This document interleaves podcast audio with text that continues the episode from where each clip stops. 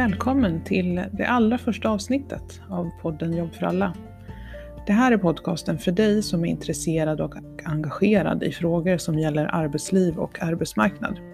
Här träffar jag gäster som delar med sig av sin personliga jobbresa och vad de till vardags gör för att hjälpa människor i arbetslivet och på arbetsmarknaden. Syftet med den här podden är att skapa en kanal för kunskapsspridning. Genom att sätta strålkastarljuset Eh, på någon som sällan blir uppmärksammad och som varje dag bidrar till att möjligheter skapas för andra, tror jag gör att vi kan bidra till att vidga vyerna om hur en jobbresa kan se ut. Det jag vill med podden är att inspirera alla de som försöker men inte riktigt når fram. Att göra karriär är inte huvudfokus för alla på arbetsmarknaden. Det viktigaste för väldigt många är faktiskt att man bara vill ha ett meningsfullt arbete som man kan försörja sig på. Men för att komma dit och komma in på arbetsmarknaden måste man också lära sig spelregler som ingen riktigt kommunicerar. Och om de kommuniceras är de inte riktigt till den målgruppen utan till andra som redan är aktiva och på språng. Podden Jobb för alla vill därför bidra till att fler får ta del av spelreglerna så att även de kan komma in och bidra. I dagens avsnitt träffar jag min fantastiska vän och tidigare kollega Fatou Juk. Vi träffas på hennes arbetsplats i Husby, en av Stockholms många förorter, bara ett stenkast från där hon själv bor i samma stadsdel. Hon jobbar idag som arbetsledare på studier och arbete i Rinkeby-Kista stadsdelsförvaltning. Hon har nyligen blivit utsedd till Årets eldsjäl av arbetsmarknadsförvaltningen i Stockholms stad för hennes inspirerande arbete med de ungdomsanställda i Husby och Rinkeby. I över tio år har hon jobbat med arbetsmarknadsfrågor i Järva på bland annat Arbetsförmedlingen. Järva figurerar ofta i media som ett problemområde, men i det här samtalet fokuserar vi på engagemanget och potentialen som människorna i Järva egentligen står för och som vi tycker borde vara mer i fokus. I samtalet pratar vi om hennes barndom och uppväxt i Gambia och hur det har präglat hennes yrkesval i vuxen ålder. Vi pratar om hur det var att komma till Sverige och de utmaningar som finns med hennes ursprung, men också vilka möjligheter som det har fört med sig. Fatou beskriver hur arbetet som jobbcoach i Kista har varit hennes sätt att bidra till utveckling och förändring i samhället och att hon först inte alls kunde se sig själv som handläggare på Arbetsförmedlingen. Hon går in på vilket mervärde som studier och arbete erbjuder för ungdomarna i Järva och hur det skiljer sig åt från jobbtorgen och Arbetsförmedlingen. Det är ett intressant samtal där Fatou bjuder på en stor dos inspiration till alla som har en annan hudfärg och bakgrund.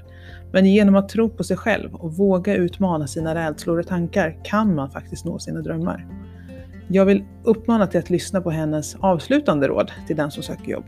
De är riktigt, riktigt bra och jag tror att många kan ta till sig dem. Jag vet att jag själv tog till mig dessa och nästan så att jag kanske borde rama in dem. Mm. Ja, vi får se. Men hur som helst, här kommer avsnittet med Fatou.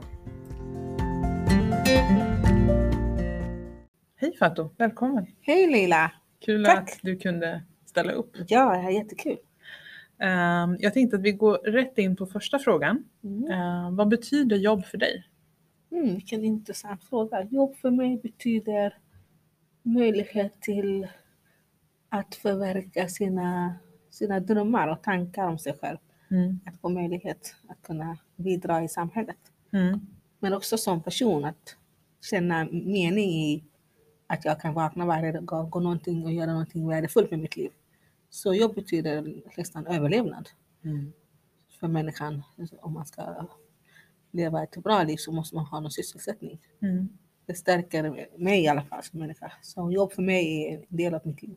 Mm. Vad var ditt andra första jobb då? Vad var det och hur fick du det jobbet? Oj, mitt första jobb! Ja, ska man räkna när man gick på prao? Räknas det som första jobb?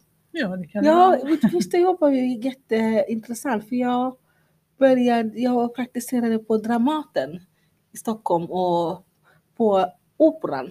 Oj, Ja. det var jag- nytt för mig. Ja, det var nytt för det. Då var jag där i två veckor. Och jag tänkte det kanske kan vara intressant att se hur de här operasångerskorna, eller ja, hur de gör och vad de håller på med. Så jag Mhm. fastnade i den världen. Så det var mitt första jobb. Hur fick du det? Det var via sko skolan då. Och jag tänkte, men det där vill jag prova. Mm, det fanns olika alternativ såklart, men jag valde det. Okej. Och hur kändes det då? Det var ju en helt ny värld. Och jag förstod vilket jobb det var. Allt från förbereda smink till klädsel till att stå på scen och öva rösten och vilka intressanta liv de hade levt. Så att vara en del av Dramaten där i två och en halv vecka, det var väldigt lärorikt för mig. En helt ny värld. Mm. Jag gillade det. Ja. Vad tog du med dig därifrån? Jag tog med mig att vad du än gör, eh, vad du än har för jobb, för mina andra kompisar, eller klasskompisar, de hade kanske jobb på någon butik, andra på bibliotek, alltså sådana vanliga. Jag märkte att det krävs ganska mycket att följa sin dröm och det här var att vara operasångerska, det var ju jättemycket jobb. Mm. Öva rösten skulle man göra hela tiden, man ska tänka på vad man äter, man ska tänka på hur man mår. Alltså det var jättemycket så jag förstod att det var det krävs en jätte, hel del för att jobba med precis det man brinner för, sin passion, sin dröm. Mm. Att det krävs också. Det räcker inte Mm. bara jag vill bli en operasångerska så gör man det, utan det krävs att man Mm. gör det som krävs också för att man ska bli och, och, och bestå i det. Så jag märkte att det var svårare att behålla jobbet än att få Mm. ett sånt jobb. Man måste verkligen brinna för det. Mm. Mm. Mm. Så det var några scener jag fick vara med. Kärleksscener, vissa så, så, här, så att jag, jag grät nästan för det var så emotionellt. Och Mm. vissa var mera lite komedi. Så det var olika så här. Jag gillade det. Mm. Fast det var ingenting jag tänkte jag ska gå och göra själv. Nej, Men det var- Ja, ja. Jag blev fascinerad över den värld som de lever. Mm, okej. Och det, varje gång jag går förbi Dramaten idag så tittar jag på och tänkte wow, Mm. vilka fina tider det var. Men du har ju pluggat, eh, du har ju en master. Ja, Ehm, Det, det är ganska, det är inte så många som, som pluggar så länge. mm. Vad var det, du pluggade, var det internationella relationer? Eller ja internationellt utvecklingssamarbete med inom bistånd och Afrikakunskap. Vad ville du bli när du blev stor?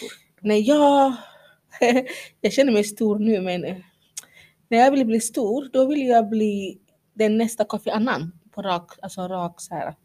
Ärligt, ja, han är ju min förebild och jag har ju för sig träffat Kofi Annan när jag studerade vid Uppsala universitet men varför jag ville bli nästa Kofi Annan då? För jag kände att han gjorde så mycket bra i världen. Jag ville liksom rädda världen i det här stora perspektivet, liksom FNs generalsekreterare, liksom, liksom rädda världen så. Mm. Så det var den drömmen jag hade. Och hur blev det med det? Ja, jag kom på sen med åren att rädda världen, det handlar om det du gör dag för dag och de här små frön du sätter och, och vattnar varje dag är viktigare än att bara göra en sak eller försöka sträva efter någonting stort. Du kan redan vara i småskalig också nivå och, och ändå så känna att du bidrar till en annan människas liksom, välbefinnande. Så. så för mig är rädda världen för mig någonting jag bestämmer varje morgon för att ta på mig kläderna och så gör jag det varje dag. Inte någonting jag har en ambition att nå utan det är parallellt med mitt liv dagligen. Mm, och det Mm. finns ju ett, eh, ett citat från Mm.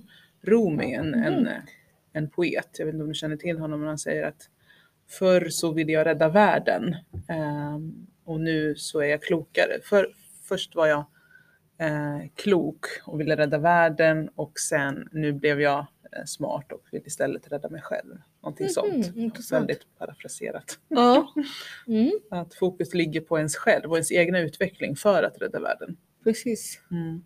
Förstår. Men när visste du att du ville jobba med det du gör idag? Det har jag vetat sedan jag var liten. Sedan jag bodde i Gambia i, och var med min mormor som är min favoritperson i hela världen. Och eh, i hennes by som jag inte växte upp jättemycket men jag var i alla fall där några år av min barndom förstod jag hur extrem, vad extrem fattigdom betyder. Det här med att leva under en dollar per dag till exempel. Jag förstod också hur människorna kämpade dagligen för att klara sig. Men att det fanns någon slags glädje i deras liv ändå.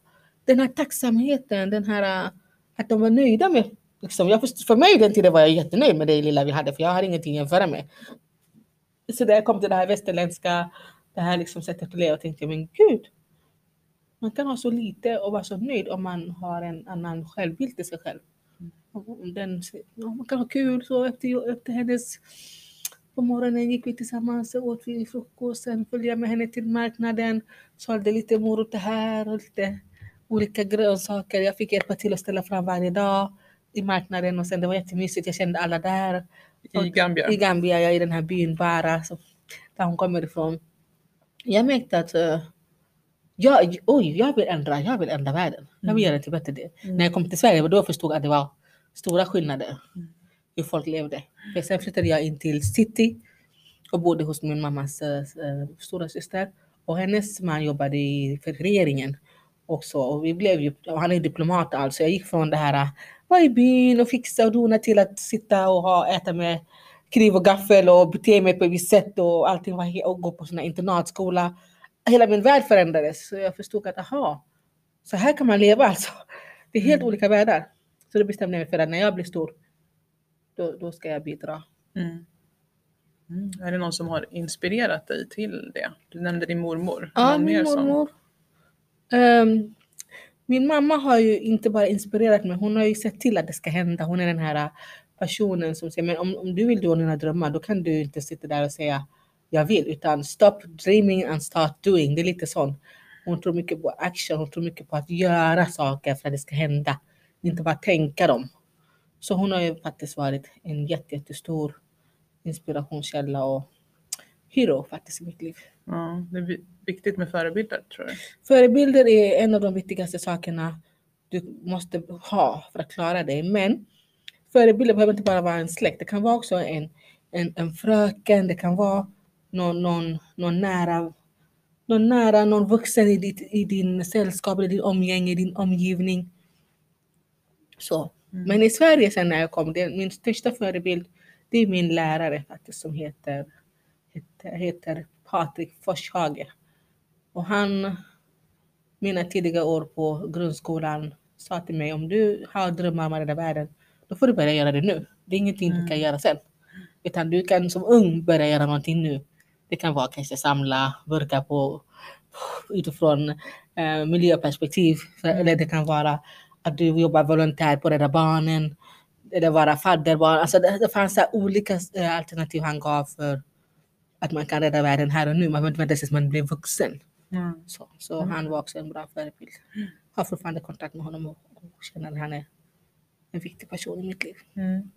Men du, du växte upp i, i, i Gambia eh, och såg det här enkla och det här vardagliga med marknaden och så vidare. Och du kom till Sverige. Nej, och och- sen så fick jag flytta till min eh, ja, mammas eh, storasyster där jag fick se hela det här diplomatlivet och så. I i, Gambia. i Och Banjul. gick i, Eller? ja, och gick i eh, internatskola och allt det här. skillnaden där. Ja, så allt hände i Gambia. Just det. De här två olika världarna Ja. som jag fick möta. Och så kom du eh, till Så kom Sverige, jag till Sverige. växte upp här. Ja, och, jag är ensamstående mamma. ja, Ja. Bodde i Göteborg först i fem år när jag kom till Sverige. hur var det? Det var tufft.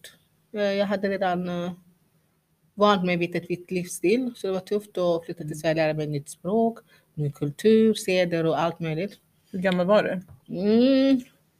Ja, 10, 11 någonstans där. Just det. Mm, jag är inte så bra på siffror, men ja. men uh, Ånässkola heter den skolan jag hamnade på. På Mhm. den tiden måste jag säga att uh, det var inte så lätt för mig. För det, jag var den enda mörka i min klass faktiskt. Mm. Och, eh, ja, det var svårt. Jag har varit mobbad ett par gånger där. Det tog ju tid för mig att, att förstå vad jag ska göra med den här mobbningen. Om det är någonting jag skulle passivt acceptera eller liksom ta tag i det. Mm. Ja, så mamma sa alltid att jag måste ta tag i det, måste göra någonting. Så jag kämpade med det. Till slut slutade det, men det var ju tuffa, två tuffa år där Mm. i, i, i, i min barndom. Av att komma som en afrikansk tjej, ung, och hamna i en svensk klass med bara jag som är faktiskt från Afrika. Ja, ja. Det var jättetufft. Mm, Men eh, Mm. Men du pluggade internationella eh, utvecklingsstudier eh, och jobbar idag som arbetsledare i Mm. Rinkeby-Kista stadsdelsförvaltning. mm, Eh, för en utomstående kan det verka vara ett jättestort glapp. Men hur ser du kopplingen? mm. Glapp från vad då tänker du? Alltså det är inte internationella utvecklingsstudier utan du jobbar i, Okej, i förort okej, i Stockholm. Liksom. Ja, ja, okej, är det så? Mm. Ja, i och för sig, det är, det, det är inte så stort. Jag, jag tyckte också så här i början. Jag har ju en kandidat i eh, utvecklingsstudier. Mm. Då är det inte internationellt, då är det liksom utvecklingsstudier, Mm. kanske internationella relationer eller statsvetenskap, kultur, antropologi. Alla de här grejerna har jag ju läst. Uh, och sen gick jag över till det här internationella Mm. då. Men eh, för mig känns det som att jag har hunnit eh, se som jag sa, jag vill göra rädda världen. Vad, vad börjar jag med? Jag måste börja med mig själv. Mm. Jag måste börja från min omkrets och de här ringarna som jag har Mm. innan jag tänker jättestort. Så jag tänkte okej, jag ska bli klar och så åker jag till Gambia, vilket jag gjorde. Gjorde min kandidatexamen där och jobbade där och så. Så kom jag tillbaka och kom på Ja, ja, men då kan jag åka till Tanzania. Det ingår i vår utbildning, magisterexamen, åka till Tanzania, se extrem fattigdom och sådär. Allt var internationellt. Wow! Så jag tänkte jag kommer tillbaka så gör jag, åker jag igen på Sida-resor eller FNs resor och allt det här. Hade även praktiserat på FN också här i Stockholm. Så jag tänkte men då kan jag göra det. Men så hände det någonting i mitt privata liv också Mm. som gjorde att man kände att men oj, världen är ganska liten ändå. Det är inte, jag behöver inte åka ut till ett visst internationellt land för att känna att jag gör någonting för att ändra livet. För alla problem finns ju överallt. Vi har ju människor i Sverige som lever i extrem fattigdom. Vi har ju människor som är sociala utsatta. Vi har ju kvinnor som är i utanförskap. Vi har ju eh, ungdomskriminalitet. Vi har ju allt som jag tänkte göra internationellt. Kom jag på, men det, det sker ju hur mycket som helst här i Sverige. Jag kanske ska börja växa där och, och se Mm. först. Det var, det var det som jag gjorde då. Ja, intressant. Mm. Ja, för att jag själv pluggade ju nationalekonomi och statskunskap och Ja. var lite också inne på samma spår att jag vill jobba internationellt och rädda världen och hela det här spåret. Eh, vill jobba med Sida Mm. och så, kanske på någon ambassad Mm. eller FN och, Mm. och var till och med i FN eh, en sväng. Mm. Men ha, som dig, jag kom också in och landade i att ja, men, man kan, det finns ju jättemycket man kan göra här. Orättvisor i samhället Ja. och hjälpa människor som behöver stöd i det lilla. Mm. Liksom. Men hur hamnade du på Arbetsförmedlingen sen då? Ja, Arbetsförmedlingen, alltså det var ganska intressant. Jag hade ju ett jobb på något som heter Utbildningsdepartementet under programkontoret som assistent. Och då var det mer för att uh, uh, sån här EFS-stipendium och sån här stipendier stipendium för att ge ungdomar som vill satsa på att jobba utomlands eller skriva ett, vad heter det, uppsats utomlands på något sätt. Så jag hamnade i det sen bara, okej, vad händer nu då? Vad ska jag göra efter det här? Och så hade jag kontakt att jag tänkte jag skriver in mig på Arbetsförmedlingen, det är klart jag ska göra det. För jag ska ju snart bli arbetslös. Så träffade jag en kvinna, måste jag verkligen nämna, Graciela Skoglöf. Jag kommer aldrig glömma den där kvinnan. Hon träffar mig när jag säger så här, ah, nu skriver jag in mig här, jag ska söka jobb och jag vill jobba internationellt och jag ska göra det och det och det och det. Så sa hon så här, Fatou, det börjar med att andas först i det här mötet och så får vi prata om, vi ska göra en handlingsplan. Vad är det? Vi ska planera hur det här ska se ut de här veckorna du är här, de här månaderna. Och så berättade jag vad jag hade gjort och allting. Då sa hon till mig, vet du vad? Du måste jobba på Arbetsförmedlingen. Jag bara, men det är klart jag inte kan. Vad har det jag ska göra med Arbetsförmedlingen att göra? Ja, men människor som uh, i situation och behöver jobb och jag vet inte vad. Jag bara, nej men det finns inget samband. Jag kan, vad ska jag göra på Arbetsförmedlingen? Det, det går inte. Hon bara, men vad, vad tycker du om? Jag, bara, jag tycker om att inspirera människor. Jag tycker om att få människor att tro på sig själva. Att alla kan komma ifrån deras hinderbana. För hinderbanor finns, men det är meningen att man ska bryta dem och komma ifrån dem och växa. Hon bara, men det här låter precis som en arbetsförmedlare. Jag bara, så det, jag bara, nej det kan jag inte göra. Så det slutade med eh, att hon vet du vad, kan du komma hit och i alla fall ha en föreläsning för oss om Gambia och om ja, utvecklingsstudier och allt det där. Jag bara, men det kan jag göra. Så jag föreläste för de personalen där och sen så kom det ut faktiskt en tjänst. Jobbcoach, alltså inte arbetsförmedlare som jag inte ville bli. jobbcoach, jag tänkte men jobbcoach, jag ringde henne och men jobbcoach, det här låter intressant. Jag ska träffa ungdomar, jag ska liksom peppa dem och få dem att tro på sig själva. Jag ska se till att eh, de får jobb eller komma in i utbildning. Det här, det här är precis, det här är rädda världen för mig i småskalig nivå. Det här vill jag. Så jag sökte tjänsten, gjorde jättebra ifrån mig på intervjun. Och du vet, det är klart att jag fick jobbet. Och sen så visade det sig efter en månad, så jag gillade det här jobbet så himla mycket, så hade jag fått ut 30 personer i jobb. 30 personer jobb och det var Mm. väldigt imponerande hur, hur jag lyckades med den strategin och, och det liksom arbetssättet. Och det var en av de stolta sakerna jag gjort för jag var så ung också. Så jag var ganska stolt att jag lyckades göra det här. Så det blev väl liksom motivering lite så här för att stanna kvar på Arbetsförmedlingen. Mm. Jag kände men man kan ju ändra folks liv, man kan ju liksom rädda världen också på det här sättet. Så jag blev så här, när en tjänst kom som handläggare, det vill säga arbetsförmedlare, tänkte jag men jag kan väl prova, men det där är ingenting för mig. Så mycket administration, Mm. så mycket sånt. Men det slutade med att jag faktiskt var kvar i hela tio år Mm. Helt otroligt. Mm. Mm. Jättekul. Ja. Har du någon gång haft ett jobb där, eh, där du känt att du inte varit bra? Mm. Jag har haft två jobb i mitt liv. Där jag har mått psykiskt dåligt av jobbet. Typ. Mm. Att det vill säga att jag har mått så dåligt för det går inte ihop med den personen jag är. Ibland kan det vara bra att testa ett jobb som inte alls är vad man har tänkt sig. Bara för att inse att det här vill jag absolut inte göra resten av mitt liv, det vill säga när jag är 30, 50, 67. Mm. Och jag insåg ganska snabbt på det jobbet att det inte, det här, det här kommer inte jag vara kvar på. Men eftersom jag hade skrivit ett kontrakt på tre månader så kände jag, vet du vad? Inte av lojalitet men av eh, arbetsmoral. Att jag har en hög arbetsmoral. Så tänker jag vara kvar på det här jobbet. Slita mig varje morgon för att komma dit.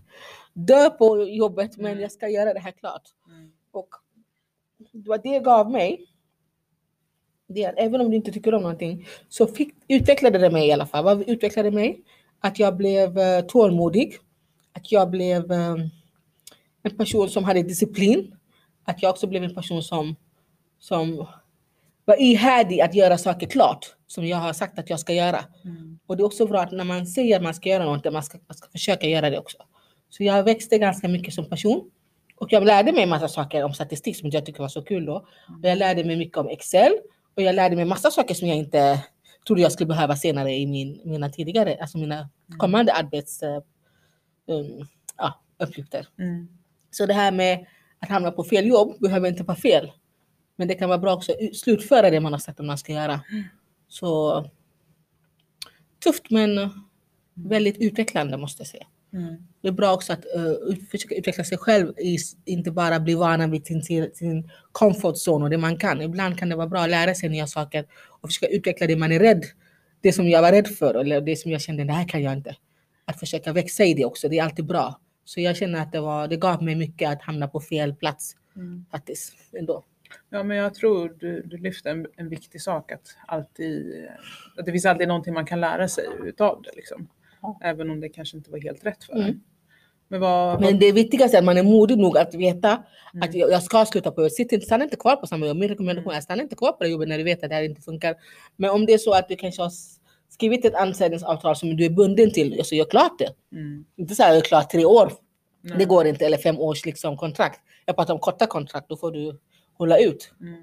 Men um, våga att gå vidare. Stanna inte kvar på det stället bara för att Mm. du tror att det, det kommer ordna sig sen, att du kommer trivas med jobbet sen. Det är inte alltid så att man faktiskt ändrar sig. Man mår lika dåligt när man är på det jobbet. Ja, men det kan ju bero på vad, varför man mår dåligt också. Mm. Ja, det Alltså, kan man känna att de inte brinner för det, eller man inte får ja, utrymme för sin potential eller vad det nu kan vara. mm, Så det är viktigt att man inser också, för man inte växer på det jobbet, man känner att man inte får ut någonting, då är det också viktigt att man inte stannar för länge. För det kan ju också Mm. släcka, precis. släcka mycket passion hos dig Ja. och ändra dig som person. Så det är Mm. bra att man inser ganska snabbt att man vet vem man är på jobbet också. Mm. Inte bara som Men privatperson. var det bara jobbet som... som eh, Ja, men det var ju allt jag inte visste hur man gjorde. ja, okej. Det var ju helt ny värld för mig. ja, Men den som jag sa, den hela nya världen var ju viktigt nödvändigt också ja. för mig. För jag har ju fortfarande användning av de där sakerna jag gjorde då. På det, på, på det jobbet idag. Mm. Något som att du lärde dig både vad du inte tycker om och Ja. är bra på, men Mm. också vad du Mina begränsningar. hellre, ja. hellre vill. Ja, Ja. och, och begränsningar. Alla vill ha begränsningar. Man måste också veta vad man kan och inte kan. Mm, Och vad, vad, vad är det jag, jag naturligt kan göra? vad är det som gör att vissa saker som bara är svårt för mig att göra? Ja, Det betyder inte att jag inte ska göra det, men det finns ju möjligheter där man kan få välja det man mm. naturligt kan bara. Som ligger i sin... Ja, Jag tror, natur. att, jag tror att det viktigaste också är att lä- lära sig att förstå att även om jag inte är bra på det just nu så betyder inte det att jag inte kan bli bra på det sen. precis. Men att man Mm. måste tillåta sig att öva på det Precis. för att bli bra. Ja. Och sen att inte stanna också där man känner att arbetsgivaren på något sätt inte värdesätter dig och inte ser dina potential och inte kan lyfta Mm. den, de, de kompetenser du, du besitter. Och, eller att de inte används överhuvudtaget. Mm. Då kan inte du heller vara kvar på ett jobb där du inte använder din, din kompetens och dina styrkor. Att du liksom, ja, lite så. Mm. Mm. Mm. Känner du att du har fått stöd ehm, under åren som du har utvecklats eh, på dina jobb? Från- Nej, Stöden har jag nog inte fått. Alltså, det är klart jag har haft mentorer som har varit där och sagt att det är klart du kan, du är duktig för att du ser och så. Mm. Men alltså stöd där man går igenom en handlingsplan som jag gjorde med Graciela. Alltså så att det här gör vi som typ smarta mål. Det här gör vi i den här perioden. Tidsatt och alltså, alltså alla de här grejerna hade jag inte. Mm. Så jag, jag fick liksom erfarenhetsmässigt känna efter och veta Mm. Mm. vad jag, vad jag vill. Så du, du har, eh, vad ska man säga, coachat dig själv? Jag har mycket? coachat mig själv mycket. Det har ju väldigt in och ut på mig också såklart. För Mm. ibland tänker jag, men det där, det där är jag. Så märker jag i annat sammanhang, nej just det, en ny, ny del av mig nu som inte jag har upptäckt. Mm. Som inte jag visste om. Eller att när jag är i sammanhang med andra kommer på, de gör att jag kommer på en ny sak om mig själv som jag inte heller visste. Mm. Det kan vara både bra och dåligt. Som gör att man ibland växer, ibland tappar ansiktet. Mm. Och sådär. Men det har varit, allt har varit nödvändigt Mm. för min resa. Mm. Eh, Lite, ett syfte med podden är ju att lyfta fram att allting behöver inte vara spikrakt. Nej. Att man kan göra misstag eller att man kan komma på, som du beskriver, komma på att Nej, men det här var helt fel för mig.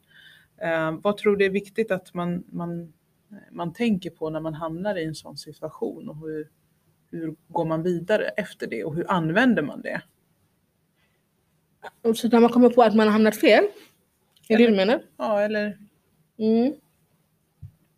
Alltså som jag sa, jag tror jag, jag, tror jag berört det här egentligen. Eh, mm, att det är viktigt att man vågar fatta ett beslut att inte stanna kvar. mm, Det är sa här, att om, om du märker det här är inte du.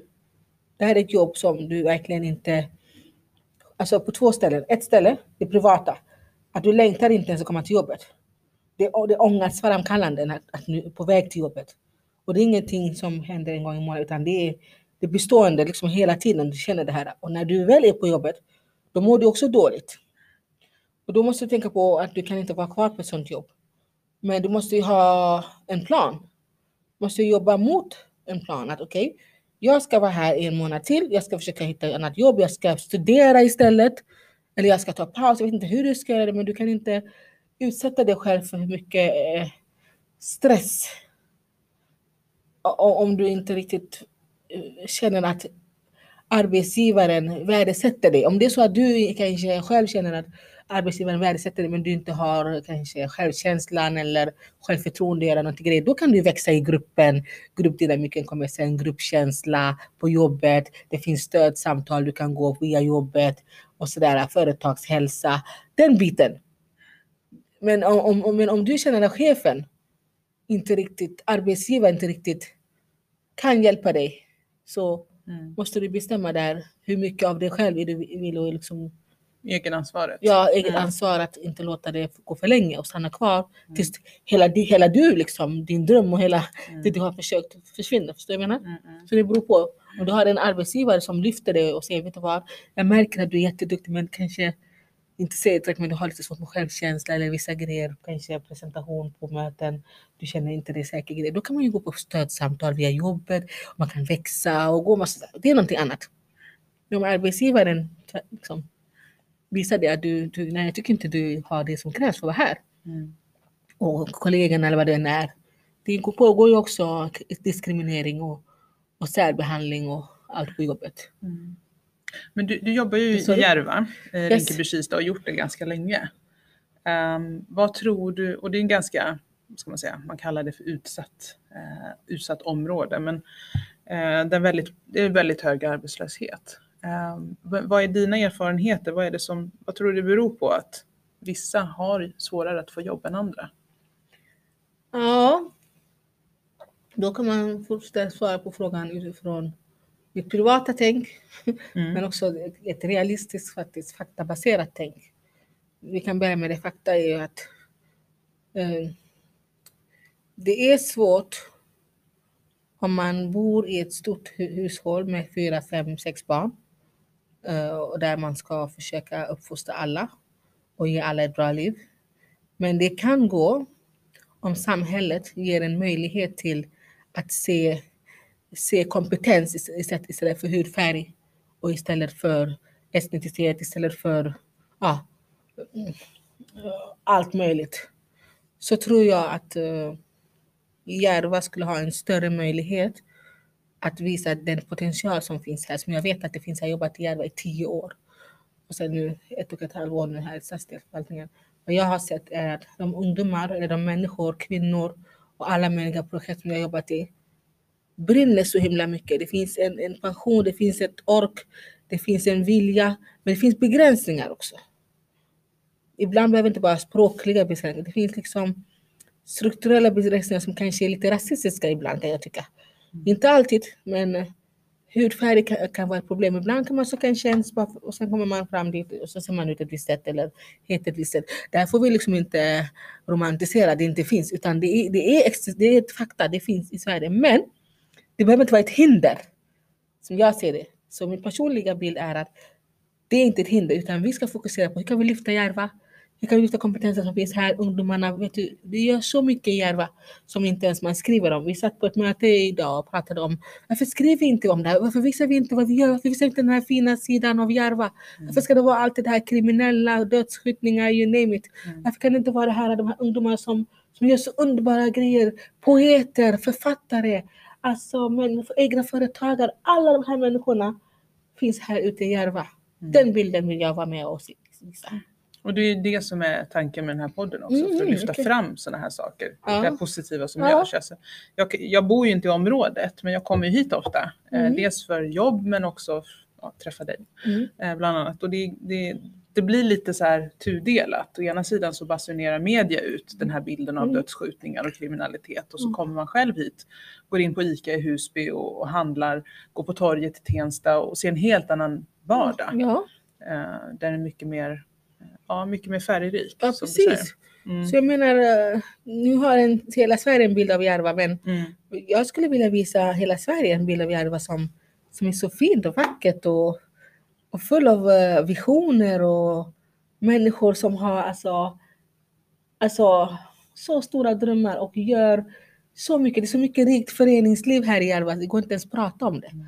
Och folk jobbar ideellt och folk har startat massa viktiga saker och bidrar jag har ju på min, vi har, vi har sån här livesändning på vår Instagram där jag går visar där jag visar inspiratörer, förebilder. Det finns massor. Och de vill jag visa varje dag om det är mm. liksom så. Det är därför du blev utsedd till Årets eldsjäl också. ja, det vet jag inte. Det var något annat. Men, eh, men vad skulle du säga gör er verksamhet här, studier arbete, unikt då i Järva? Alltså, jag säger så här. Järva har provat alla möjliga projekt, provat alla möjliga sätt att arbeta, men det som jag tycker är nytt, det med studiearbete är, vi har ett, e, e, e, en, en, en, ett arbetssätt som är annorlunda. Hur? På jobbtorg när kommer man in, då måste man skrivas in, det finns krav, Arbetsförmedlingen ställer krav, du måste göra si och så. Hos oss studiearbete, det finns inget krav. Det finns inga krav. Utan jag vill, vi vill att ungdomarna kommer hit för att det finns en vilja hos dem att få, att få stöd. Och sen behöver de inte göra allting hela vägen själv. Utan vi fångar ungdomen så fort den bara kommer i närheten av studiearbete. Du nämnde att studiearbete är eh, skillnaden mellan studiearbete och, och de här vet de, jobbtorgen. Och det, ja. skillnaden är här är man välkommen, det är öppet och det finns inga krav. Precis. Vad är det mer ni gör då som är speciellt? Vi har ju en, en del, vi har ju en samordnare, vi har en coach, vi har en SYV och vi har liksom alla de här människorna som finns här för att stödja ungdomen när den väl kommer till oss. Men det som vi också har som är unikt det är att vi har det som heter ungdomsanställningar. Mm. Det vill säga ungdomar som är anställda hos oss i sex månader under de här sex månaderna först har de en praktik för att liksom komma in i arbete och förstå arbetsmarknaden och så. Det kan vara rutiner, det kan vara tid, passa tider, det kan vara liksom hur det funkar att vara på en arbetsplats. Efter det så är de, jobbar de som uppsökare. Uppsökare innebär att de söker upp ungdomar som varken studerar eller arbetar. För det är det, studiearbete är för ungdomar som varken studerar eller arbetar mellan 16 till 29. Sök upp de här ungdomarna, när man söker upp dem, man bygger förtroende såklart. Och så. Och så kommer de hit och lotsar dem till oss. Och när de kommer då kan de komma antingen till Rinkeby, eller som jag sa, eller Husby. Då tar vi över, då tar vi vidare. Det kan vara en coach som pratar, det kan vara individuell vägledning som ges. Och då skrivs man in i, vi har jobbcoach också som jobbar med, med Jobbtorget, vi samarbetar med Jobbtorget så att man kan komma in i deras system och få insatser och stöd. Det är jättemycket budskap som vi kan ge och så. Mm. Det tycker jag är, vi har jobbat jättemycket med det. Vi har nått över hundra någonting tjejer bara det. Mörkertalet för tjejer har varit stort men vi har lyckats nå tjejer utifrån att vi har en tjejstrategi där vi har bjudit tjejer här på dans, på inspiration och om föreläsning, om personlig utveckling för tjejer och så. Som har varit väldigt framgångsrik. Innan coronan kom så var vi tvungna Mm. att lägga ner. Så Just det. ha, också många killar har vi uppnått över hundra någonting. Så det är, det är jättekul att se att, att man kan förändra saker. Ni håller ju på med en del livestreams också på, Ja. på Instagram. Mm, mm, Vad ja. brukar ni ta upp där? Det tar upp det som är till exempel skolor. Vi har Malin. Som är studievägledare. Och hon eh, åker ut i skolor. Det kan vara Stockholms universitet, det kan vara folkhögskolor. Och berättar hur det är i skolvärlden. Om man behöver veta någonting. Antagning och allt sånt. Så att ungdomarna blir liksom upplysta och får följa med. Så har vi haft det även eh, jag som sitter och lajvar med olika personligheter om deras inre resor, hur de har varit på jobbet, hur, vilka tips och råd de har till ungdomarna. Att man håller liksom, ger ungdomarna ett forum där de kan vara och känna att, det, att de får några redskap med sig. Nu har vi också hyrt in en person som är lärare som jobbar med att lära ut eh, studieteknik Mm. Just där man studerar, många studerar nu, det är hösten har precis börjat. Hur går det till? Vad ska man tänka på när man studerar? Hur ska man nå bra resultat? Hon heter förresten Fortin Lejonsdal, hon har även pratat om retorik. Mm. När man håller tal, vad ska man tänka på? Hur ska man övertyga trovärdighet och hur gör man presentationer? Idag börjar en livesändning med henne då som handlar om uh, skrivandet, när man ska lämna ut en uppgift, skriva en uppsats. Du vet, allt sånt här som man behöver som ungdom och veta. Mm. Så vi vill liksom ge dem redskap som de kan använda så att det känns meningsfullt att komma in på våra, våra program. Mm. Så hur har responsen varit hos ungdomarna då? Ja, hittills vi började, det var nog, eh, coronan var det i april, I mars? mars där, ja. Totalt nästan 4000 livesändningar, Oj. Ja. eller liksom visningar. Mm. Så det är jättekul. Det är Så det ska vi fortsätta med. Vi har haft en studiemässa igår som är av tre delar. Så vi försöker verkligen få ungdomarna med. Mm. Och det är fantastiskt. Ja. Ja. Men eh, har du några, syftet är ju att lyfta fram också goda exempel. Har du några exempel på ungdomar som har antingen börjat plugga eller börjat Alltså jobba? de här eller? ungdomsanställningarna som jobbar som uppsökare. Målet är ju att under sex månader så ska de ut i, i, i arbete eller i studier. Mm. Och jag är jättestolt över att säga att majoriteten har verkligen lyckats riktigt bra. Mm. Jag, vi har flera förebilder. Vi har en som heter Nada som jobbade som uh, verksamhetsutvecklare i Tenpotensa Träff. Mm. Vi har en Oma som läser eh, nationalekonomi på Södertörn. Vi har Hakim som, som, som eh, jobbar nu som elevresurs här i Järva men ska bli naprapat och, och har också gått en datautbildning. Vi har någon annan Ismahan som är superduktig i, i administration och, och allting som nu också ska studera. Tagit körkort. Vi har Arwa som läser nu soci, socionom i Örebro. Vi har Sikra som har bott i Sverige mindre än ett, två år och kämpat nu och har studerat och har ett jobb. Alltså, Mm. Fatih som kämpar. Vi har alla, ett, ett helt gäng. Vi har de nya uppsökarna också som kämpar jättemycket eh, med att få in tjejer i rätt rum, rätt sammanhang. Att unga mammor, Alice heter hon, unga mammor ska få möjlighet att komma in i arbetsmarknaden eller tillbaka till studier. Mm. Så, ja, det är jättemånga intressanta grejer. Du, när vi satt och pratade förut så berättade du om en tjej som du har nu som är Ja, ungdomsanställd. Alicia, ja. Ja, berätta om vad hon har dragit igång och hennes bakgrund eller Ja, historia. Alicia är rom och hon är 26 år och har två barn och eh, hon kände att hon som ensamstående som själv säger att hon ville bidra och ge någonting till unga här i Järva och hade, har ett projekt som heter Unga i, i, i Järva, Unga i centrum här som försöker att samla unga mammor och se om man kan hjälpa till med jobb, utbildning eller personlig brev och CV, allt sånt här. Så hon har satt igång det här projektet och det kommer att börja nu premiär den 15 oktober. Så jag tycker det är väldigt fascinerande att unga får möjlighet i, i studiearbete att förverka sina drömmar och, Mm. och göra någonting verkligen som ändrar samhället på riktigt. Ja, för du, du, du berättade att hon hade inga direkta förebilder som liksom... Precis, som trodde på henne. Jag tror att hon kan göra det och här på studiearbete så har hon fått känna det och, Mm. och vi ger henne redskapen, verktygen att kunna förverka det hon vill. Mm. Så att det, man, man, man, man öppnar dörrar helt Mm. enkelt. Som jag sa, studiearbete är en öppen dörr Häftigt. för ungdomar. Ja. Att växa och utvecklas som person. Och komma vidare i Du, du livet. som har jobbat som jobbcoach och nu som arbetsledare, Mm. vad är de viktigaste delarna för att få till en bra matchning? Tror du? En bra matchning handlar om att eh, först förstå personen som du har framför dig. Mm.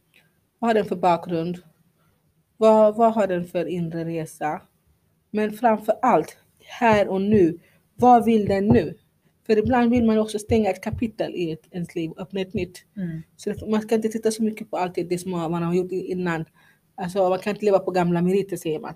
Vissa människor vill prova nya saker. Du måste också kunna våga utmana den här människan, se vad den har för potential och, och våga kanske sätta den i ett ny mark. Så att um, matchning behöver inte bara handla det man har gjort på, på CV. Det kan också vara att man vill, man vill prova något nytt. Men hur jobbar du med arbetsgivare då för att få dem att vilja prova? Eh, prova en person som... Ja, alltså för mig är det viktigt att, att se om personen själv vill. Mm. Och om det finns en vilja där och en potential igen så finns ju arbetsgivare faktiskt idag som är redo att anställa någon som vill och brinner för någonting fast inte ens har eh, utbildningen eller något. De kan ju ta dig in på en utbildning, kanske två veckors utbildning och så.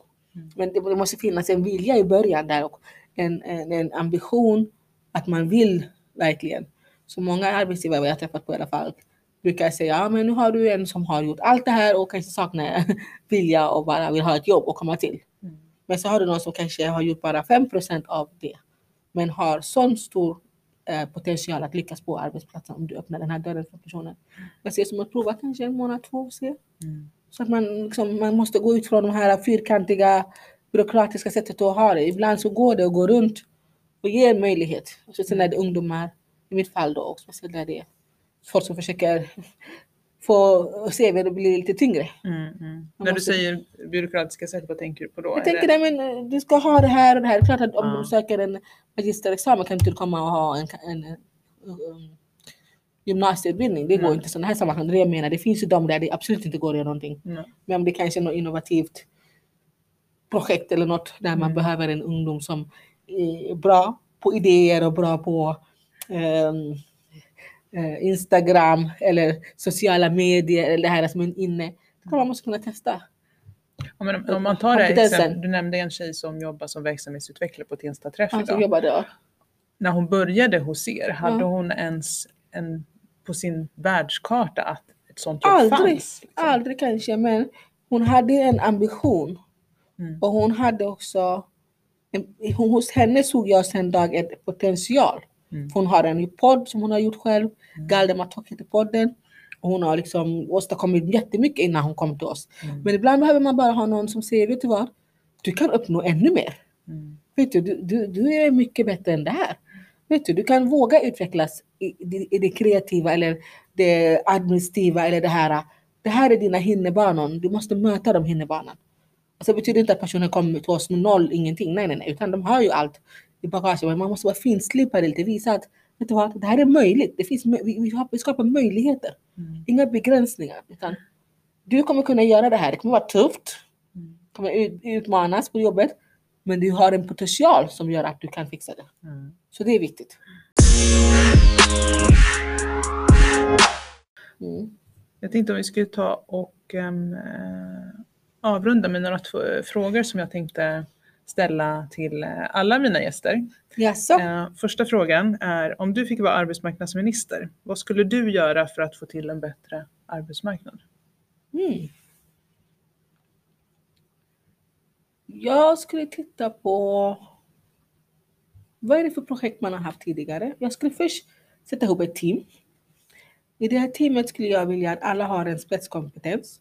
En viss kompetens som de bidrar med i mitt team. Då har vi någon till exempel som har tittat på vilka projekt har gjorts. De projekt som har varit framgångsrika, varför har man lagt ner dem? För ibland så uppfinner vi hjulet på nytt. Hela tiden, projekt efter projekt, insats efter insats, allt möjligt. Det viktigt att se, de där det har funkat, kan vi behålla, bevara det? Det är del ett. Mm. Och sen skulle jag titta på hur mycket kostar ungdomsarbetslöshet, eller arbetslöshet överlag, om, om ungdomarna är i kriminella omgängen eller om de hamnar i utanförskap. Vad kostar utanförskapet samhället? Under en period på fem år, inte ens 10-15, jag bara pratar om så kort tid. Då kan man se kanske statistisk liksom, siffra att det är dyrare för samhället att ha människor i utanförskap. Och då skulle jag sätta ihop och ha ett nytt team. Vad kan man göra? För vi har till exempel Järva, Järva, um, Järva, Järva, Järva, vad heter det? Järva Rinkeby? Jalla Rinkeby som började lite smått och nu har de öppnat ett eh, restaurang här och det så här. Hur kan man liksom, de här små skaliga företaganden, hur kan vi lyfta dem? Mm. För de människorna finns, de har inspiration, de har kunskap, de har kompetens och de bidrar till ett bättre samhälle. Så jag kommer ju gå och titta först, inte bara ute i Järva, jag kan kolla på Rosengård i Malmö, jag kan kolla på alla de här ställena där man anser det är förort och det är kriminalitet och det är kaos. Mm. Var finns eldsjälarna? Var finns människorna som faktiskt gör en skillnad? Kan vi sätta ihop det som man har lagt på is? Det finns jättemycket som har funkat förut som man bara lagt på is. Det, det ska, så skulle jag lägga jättemycket pengar på att lösa eh, arbetslöshet och få sysselsättning i olika grad. Det kan vara i form av anställningsgrad på 50 procent. Det kan vara att man går in i arbetsträning för ungdomar. Det kan vara SIG för sociala insatser. Ungdomar som är i kriminalitet, kan man få dem tillbaka? Alltså det handlar om långsiktig planering för, för mig om jag skulle vara arbetsmarknadsminister. Att, men jag skulle först och främst se vad har samhället, vad har Sverige? Sverige är ett rikt land. Mm. Vad har de här förorterna, de här som har kommit hem från sina hemländer och hämtat hit? Det är inte så ofta att alla kommer hit med noll utbildning. Vissa har en utbildning från hemlandet. Mm. Det finns validering via Arbetsförmedlingen, validera sin kompetens, att komma in i, det finns ju SFI som är inriktat på någon utbildning man kan gå inom vård. Det finns så mycket man kan göra med de människorna vi redan har här på plats. Alla behöver inte hamna på Arbetsförmedlingen och starta från noll. Mm. Utan det finns kompetenser, de är väldigt mycket för mig i fokus och satsa mycket pengar på att skapa sysselsättning i olika former av olika slag Mm. i föreningsform. Det kan vara projekt. Det kan vara stora insatser för hela Järva. För det finns tidigare forskning och, Ja, och projekt som har visat att det här är vad en arbetsmarknadsminister behöver göra för att ändra om Sverige. Mm. Och då pratar jag om också här tyvärr om hudfärg. Då pratar jag om, och jag pratar om var man kommer ifrån, det ska inte vara så himla viktigt alltid. Mm. Kompetensen och poten- potential måste gå före. Vi måste se människor för vad de är och inte någonting annat. Och jag tror om jag fick vara arbetsmarknadsminister så skulle jag börja se kompetenser som jag ser varje dag här ute i Järva. Och det är därför jag ägnar tio år här och kommer ägna mer tid åt Järva. För jag tror på Järva, jag tror på de människor som gör allt dagligen för att göra det bättre. Jag skulle inte fokusera så mycket på det som inte funkar med, det vill säga skjutningar och allt möjligt och kriminalitet. Utan Mm. ge Järva en röst. En röst som blir hörd i det stora, i de offentliga rummen, i de tysta rummen. Men inte bara en röst, ge dem delaktighet, ge dem makt, självegenskap att skapa på riktigt. Tro på det här, satsa. Lägg ner en stark budget på att utveckling faktiskt kan ske. Ge dem hopp, ge ungdomarna, ungdomslösheten, de hänger på centrum. Ge dem sysselsättning, skapa. Kalla in dem på möten, de, de har jobbat med det här i hundra år. Vad behöver vi göra? Vi testar, vi gör. Vi ändrar Sverige till ett mångkulturellt samhälle där alla är inkluderade. Det skulle jag göra som arbetsmarknadsminister. Det är ett bra budskap när budgeten ska röstas igenom i december. Mm. Tack för att det var bra. Ehm, avslutningsvis, vad är dina tre viktigaste råd till den som söker jobb idag?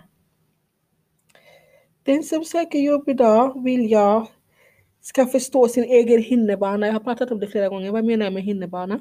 Lärde mig det faktiskt när jag gick på en utbildning för en, en bra lärare på arbetsledarutbildningen. Så Mm. pratade han mycket om att människor har hinnerbanor. Du kanske kan vara duktig i det här men liksom du har problem i hemmet eller någonting så gör det att du inte når din potential för du har en hinnerbana. Mm. Du måste veta vad människors hinnerbana är för något. Det kan vara vad som helst. Men när du kommer förbi hinnerbanan då når du den människans potential.